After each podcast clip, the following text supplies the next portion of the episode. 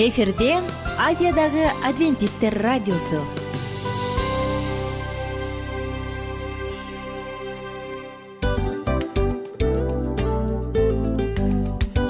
Достор салют. Баардык сүйүктүү угармандарыбызга салам айтабыз. Кутман күнүңүздөр менен. Ден соолук өмүрдүн булагы демекчи саламат саамы программасында баарыңыздарды көргөнүбүзгө абдан кубанычтабыз. Анда алгач амандашып өтөлү арбаңыздар деп. Ден соолугуңуздар кандай элибизде көбүнчө ден соолук кандай дегенде эле жакшы деп жооп беребиз э? ооруп турсак дагы жакшы дейбиз анан мен муну айтып ойлойт элем бул абдан сонун сөз депчи анткени бул жакшы деген үмүт да ооба. баары жакшы болот. Баары сонун. Деп үмүттөнүп атып эле өзүбүздү өзүбүз дарылап коебуз. Анысы кандай? Сиздин дагы ден соолугуңуз жакшы беш деген үмүттөбүз чындыгында ден соолук бул өмүрдүн булагы деп бекеринен айтылган эмес деп ойлойм. Кыргыз элинде. Анткени эгерде ден соолук жок болсо анда адамдын жашоосунда калган баардык керектүү маңыздуу нерселер өзүнүн баалуулугун жоготуп коет. Ошондуктан ден соолук бул эң керектүү нерсе. Ооба туура айтасың кесиптешим. Чынында ден соолугуң жок бир эки үч күн ооруп калсаң эле кандай болуп калат? Жашоодо көз каранды болуп каласың көп нерсеге жетишпей каласың көп нерсени кыла албай каласың жада калса эшикке дүкөнгө да чыга албай каласың. Туп туура анан ден соолук болсо демек биз биздин бактыбыз тотой деп койсок болот. Анда достор саламат саамы рубрикабызды баштайлы. Алдыда өзүңүзгө керектүү болгон сонун кеңештерди уга аласыздар. Мына ошондуктан биз менен бирге болуңуздар. Ал эми биз болсо милан жана айнура. Кеттик алга. Алга саламат саама ден соолуктун жарчысы. Саламат саама ден соолуктун ачкычы. Күн сайын сиз үчүн мыкты кеңештер сонун жаңылыктар кызыктуу фактылар биздин рубрикада.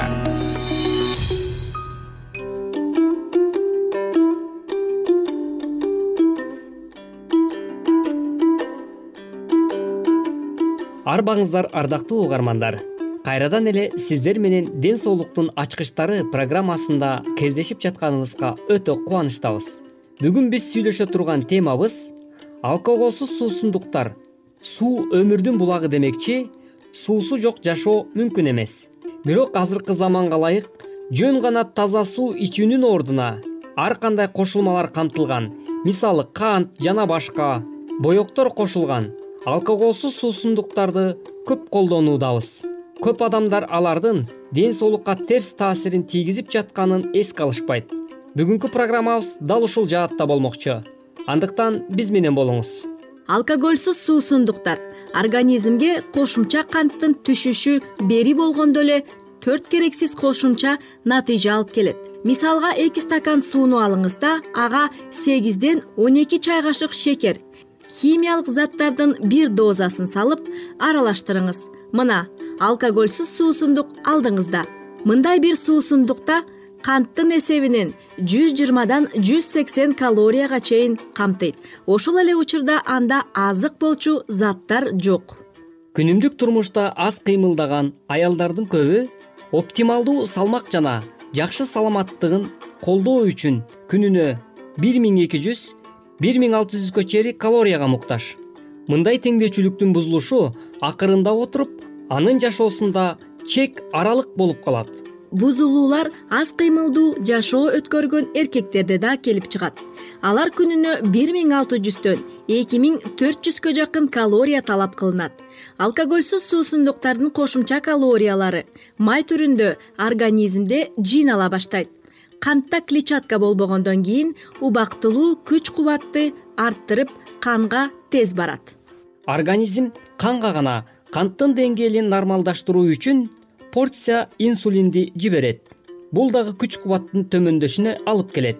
Мындай ыраттуулук адамдын өзүнө сергектүүлүгүн сакташ үчүн улам улам алкоголсуз суусундукка же кандайдыр бир таттуу нерсеге умтулууга мажбурлайт. Канттуу суусундук тамакты сиңирип жаткан жумурга барганда жаңы келип түшкөн калориялар сиңирилмейинче тамакты сиңирүү жайлап калат же таптакыр токтоп турат буну төмөнкү окуя менен салыштырса болот. Кыз кол менен салып сүттөн май алып жаткан. Иш аяктап келатканда аңгыча сырттан энеси келди да идишке сүттөн дагы куюп койду. Баарын кайра баштан баштоого туура келди. Май кайрадан даяр болоюн деп калганда сырттан атасы келет да дагы бир чөйчөк сүт кошуп коет. Кыз кайрадан баштады. Май үчүнчү жолу даяр болуп калганда капысынан кызматчы кирет да дагы сүт куюп кетет бул жолу чарчап калган кыз май алмак турсун өзүн көтөрө албай калды.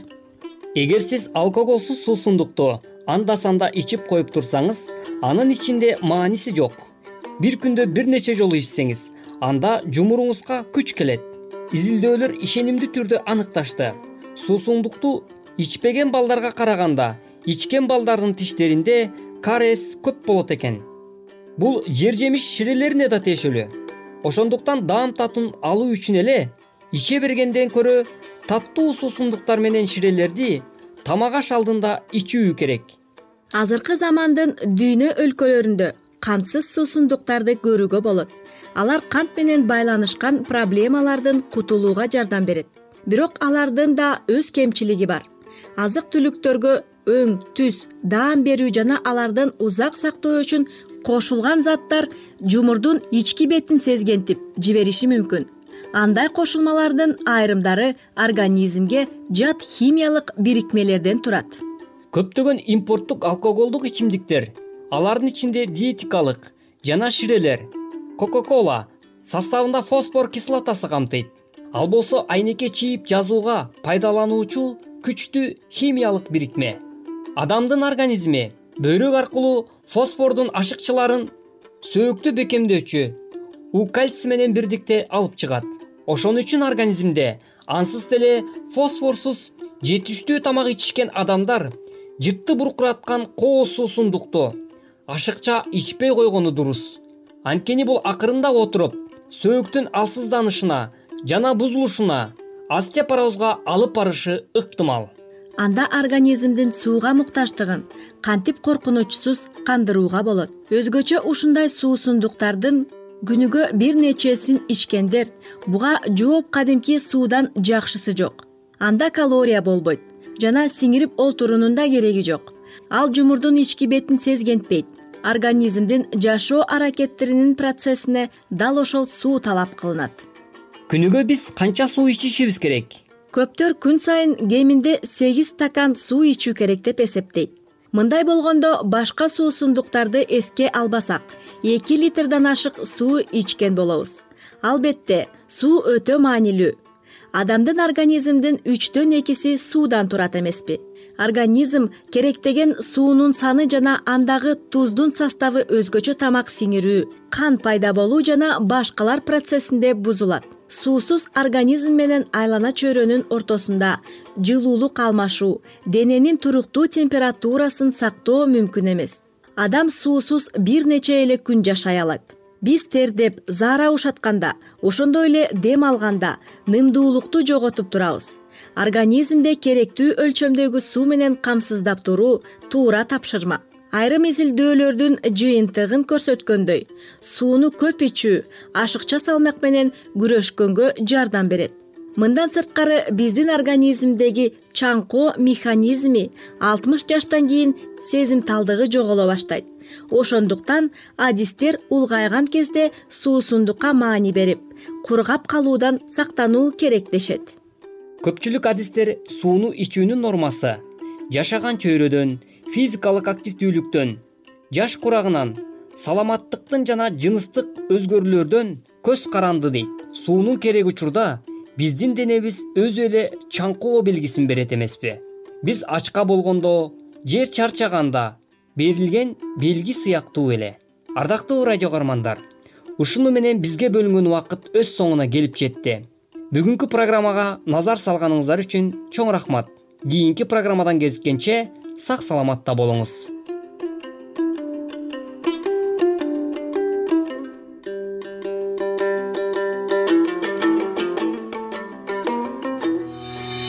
Саламат саама ден соолуктун жарчысы. Саламат саама ден соолуктун ачкычы. Күн сайын сиз үчүн мыкты кеңештер сонун жаңылыктар кызыктуу фактылар. Биздин рубрикада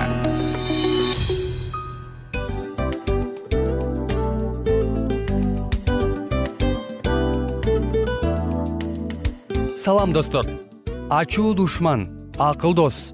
Акылыңа акыл кош демекчи биздин дил маек рубрикасына кош келиңиздер. Дил маек программасында ар кандай темаларды козгойбуз? Балдарды өстүрүү аларды тарбиялоо кантип балдарды бактылуу кыла алабыз? Жана кыз жигит ортосундагы мамилелер кыз жигит ортосуна кантип нукура таза сүйүүгө жетсе болот? Бактылуу үй бүлө куруунун кеңештери ар кандай сырлары жеке өсүү жана ар кандай кызыктуу чыгармачыл программаларга арналган рубрикабызга кош келиңиздер. Эмне үчүн дил маек? Анткени дил маек эки адамдын баарлашуусу сырдашуусу. Сизди да биз менен сырдашууга чакырабыз. Анда эмесе кийинки он мүнөттүк убакытта сиздер менен чын жүрөктөн сырдашып баарлашабыз. Даяр болсоңуздар анда кеттик ар түрдүү ардактуу кесип ээлеринен. Алтын сөздөр жүрөк ачышкан сыр чачышкан сонун маек. Дил маек рубрикасында.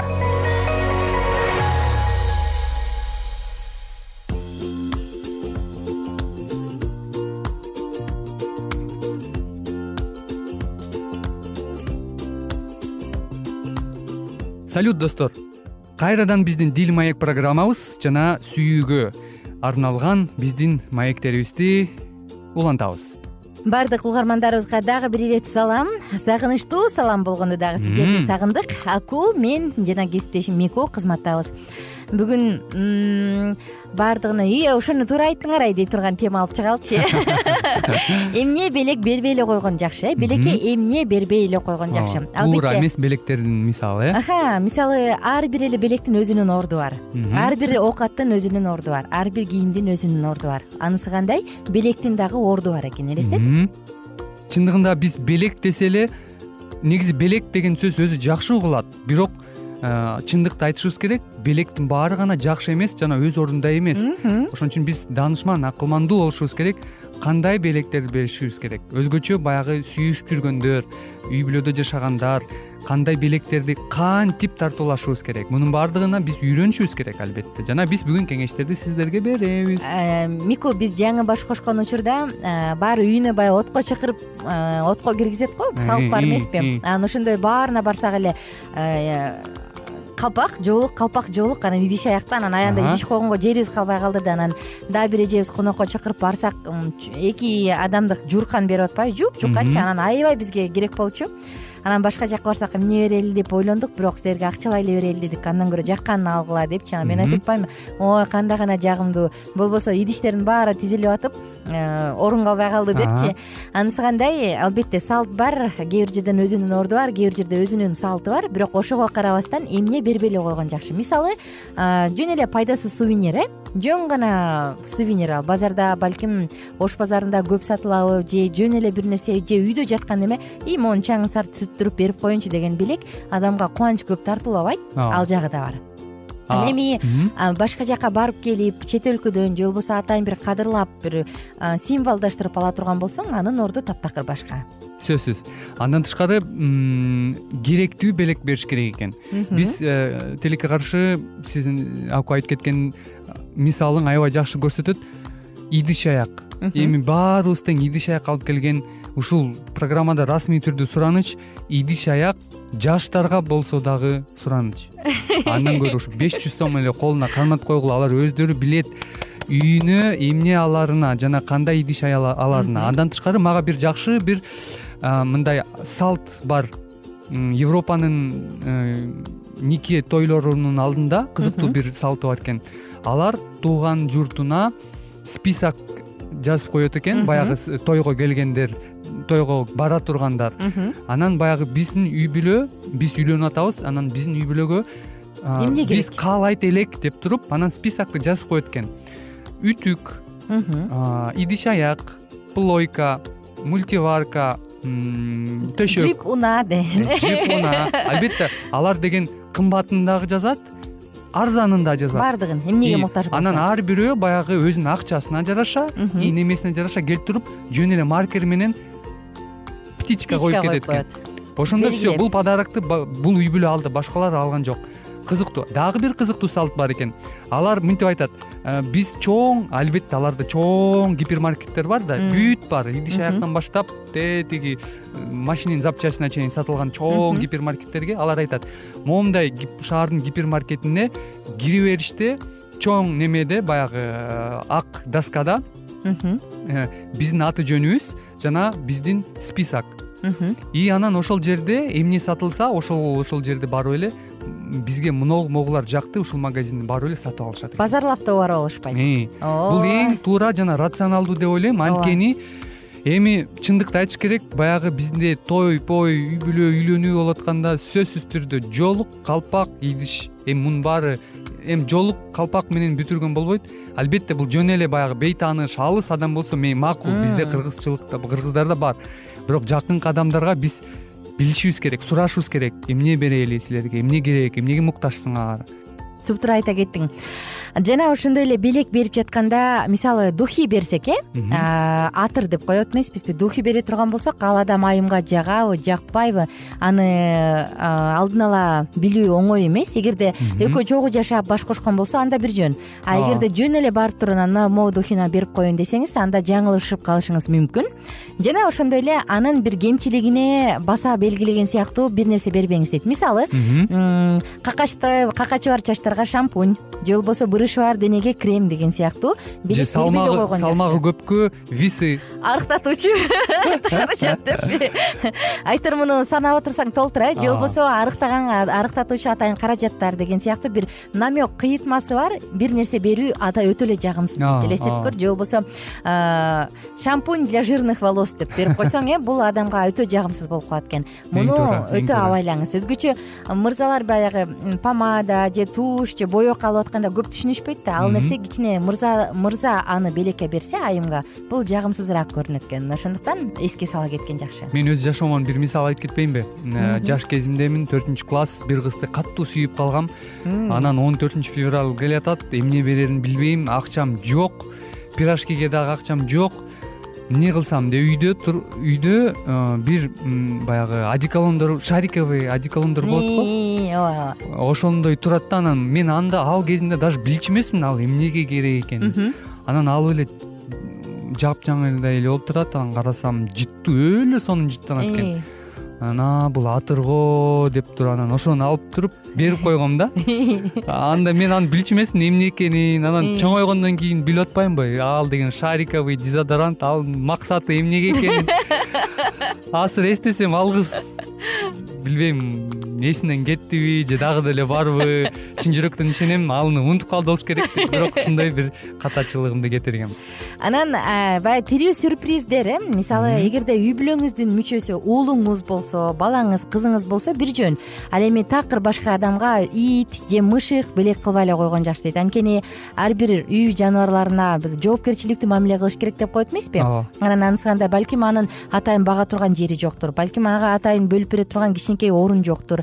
Балким аны каржылай турган тамак ашы же каражаты жоктур. Мына ошондуктан ал нерсени дагы өтө абайлап бериш керек экен. Колдон келсе андай нерсени бербей эле койгон жакшы дейт. Э, керек болсо бизде көбүнчө урдап алышат э? Урдап да кетишет чын эле чын эле. Э, керек болсо адам эми биз мындай кылышыбыз керек да. Эгерде адамды жакшы таанысак э, жакшы билсек албетте биз баягы фантазиябызды күйгүзүп же мындай сурашыбыз керек. Балким түз болбосо дагы достор аркылуу ата энеси аркылуу кызыгып сурасак болот да. А эгерде адам бизге бейтааныш эми бир аз анча жакын эмес анча тааныш эмес болсо бирок биз жакшы белек кылгыбыз келсе анда универсалдуу мындай белектерди алышыбыз керек экен дейт да бирок биз адамды жакшы белек тартуулаш үчүн дейт мындай кеңеш берет. Адамды жакшы билиш керек экен. Ооба мына туптуура адамды канчалык жакшыраак билсең ошончолук оңой тандайсың. Мисалы үй бүлөлүк жашоодо көбүрөөк жашасаң жолдошуң эмнеге муктаж эмнени кыялданып жүрөт баарын билип каласың. Келинчеги тууралуу да ушундай. Жана ошондой эле келинчегиңизге апаңызга идиш аяк э, үйдөгү колдонула турган ушундай бир жалпы колдонула турган нерсени бербей эле коюңуз. Ага караганда өзүнө көйнөк э же болбосо эмне каалайсың деп апасы же келинчеги боло турган болсо ал каалаган нерсени алып берип койгон жакшы. Анан ич кийим дагы белекке берүү бул туура эмес экен. Эгерде жубайлар болбосо эле. эгер жубайлар болбосо ооба. Анан момпосуйлар микунун боору эзилип атат. Ушундай анан баягы ырым жырым кыла беришет го. Мисалычы мындай кылганга болбойт муну бергенге болбойт муну берсе болот деп. Анан ашыкча ырым ырым кылып туруп бир белек бербей эле койгон жакшы дейт. Балким ал адам ага ишенбейт. Ооба негизи белек белек деп биз көп э, ар кандай темаларды ар кандай көп деле айта беребиз. Бирок чындыгында көп учурда баягы белек берерде баш катып калат да. Ошон үчүн адамдар баягы фантазиясы жетпей эмне кылаарын билбей анан ушун колунан келген подарок белекти кылып коет. Кээ бирде акчасы каражаты жеткендей. Бирок биздин ушундай программабыз бүтүп жатып ушундай кеңеш берет элек бүгүн ар кандай интернет ресурстары бар ар кандай дүкөндөр интернет дүкөндөрү бар. Аякта сонун белектер тартуулашат ошон үчүн бүгүнкү убакта жакшы белек тартуулоо ар бирөөбүздүн колубузда болгону гана даярданышыбыз керек жана адамды жакшы билишибиз керек достор жалпыңыздарга кааларыбыз сиз алган белектер дайыма сизге жагымдуу сонун эмоцияларды алып келсин жана берген белектер дагы жагымдуу болсун. Кайрадан амандашканча. Пока пока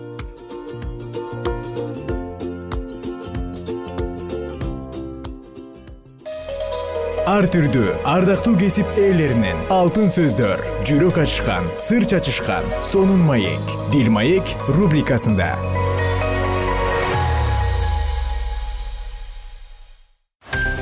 жан дүйнөңдү байыткан жүрөгүңдү азыктанткан жашооңо маңыз тартуулаган жан азык рубрикасы.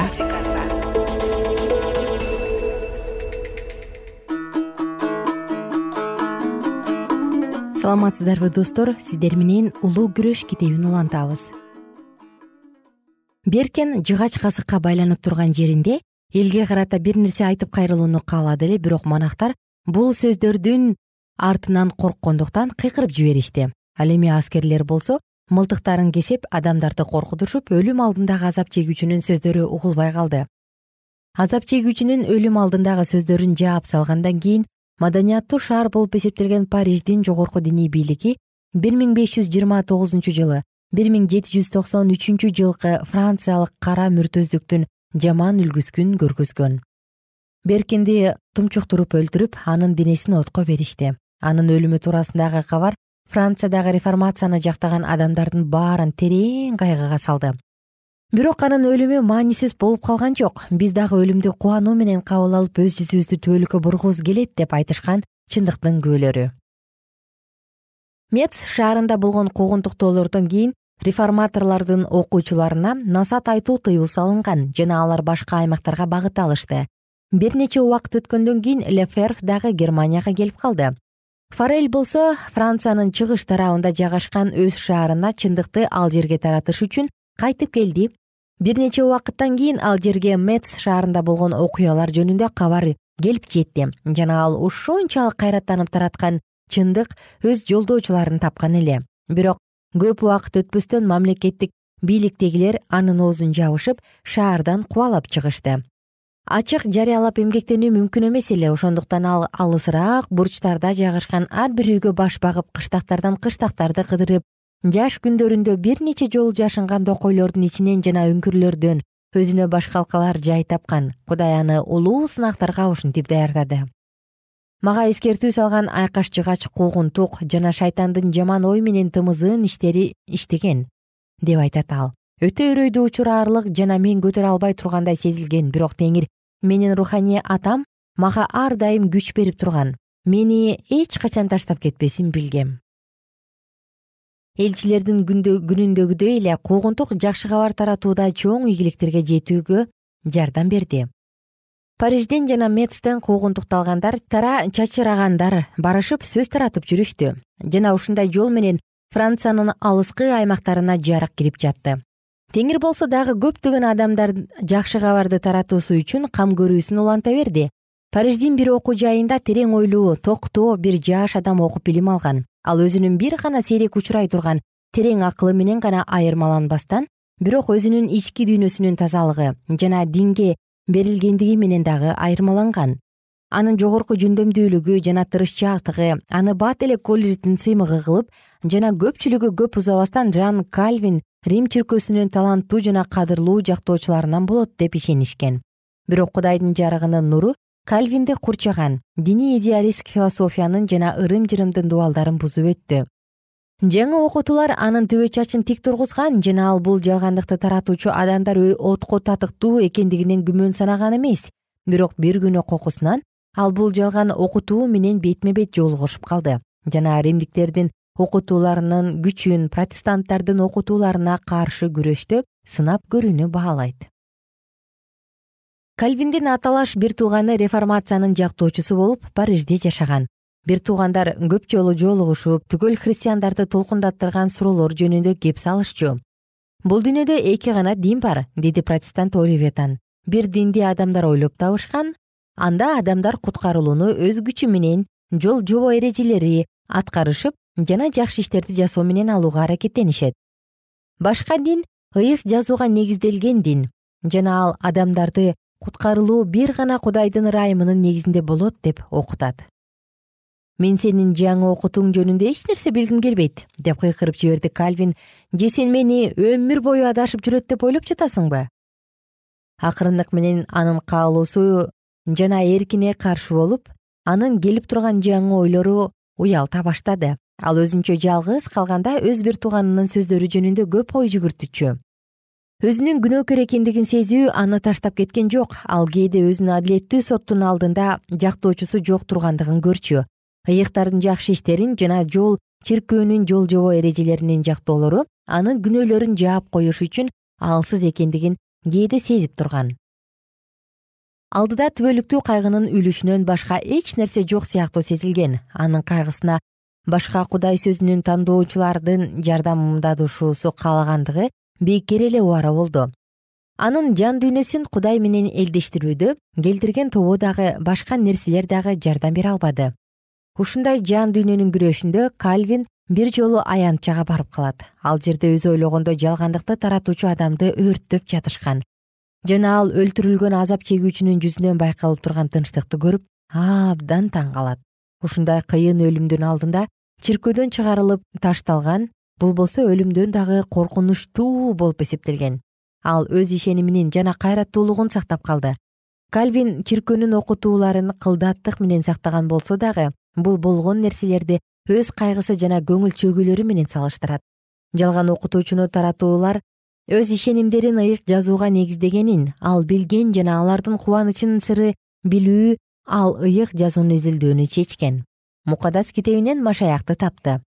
О атаке анын курмандыгы сенин каарыңды ырайымдуу кылды деп сыйынды ал анын каны менин ыпластыгымды жууп жана айкаш жыгачта менин каргышымды өзүнө жүктөгөн анын өлүмү мени куткарып алды.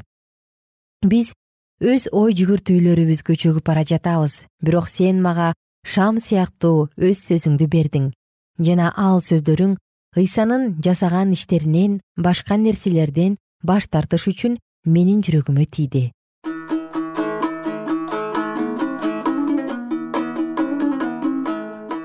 Ардактуу достор сиздер менен улуу күрөш китебин алдыңкы уктурууларды дагы улантабыз. Сиздин жашооңузда болуп жаткан кичинекей өзгөрүүлөр балким беркем эместир. Кайрадан кийинки уктурууларда амандашканча сак саламатта калыңыздар. Сиздерди күтөбүз кызыктуу китептин окуянын уландысын бирге тыңдайлык. Бар болуңуздар амандашканча.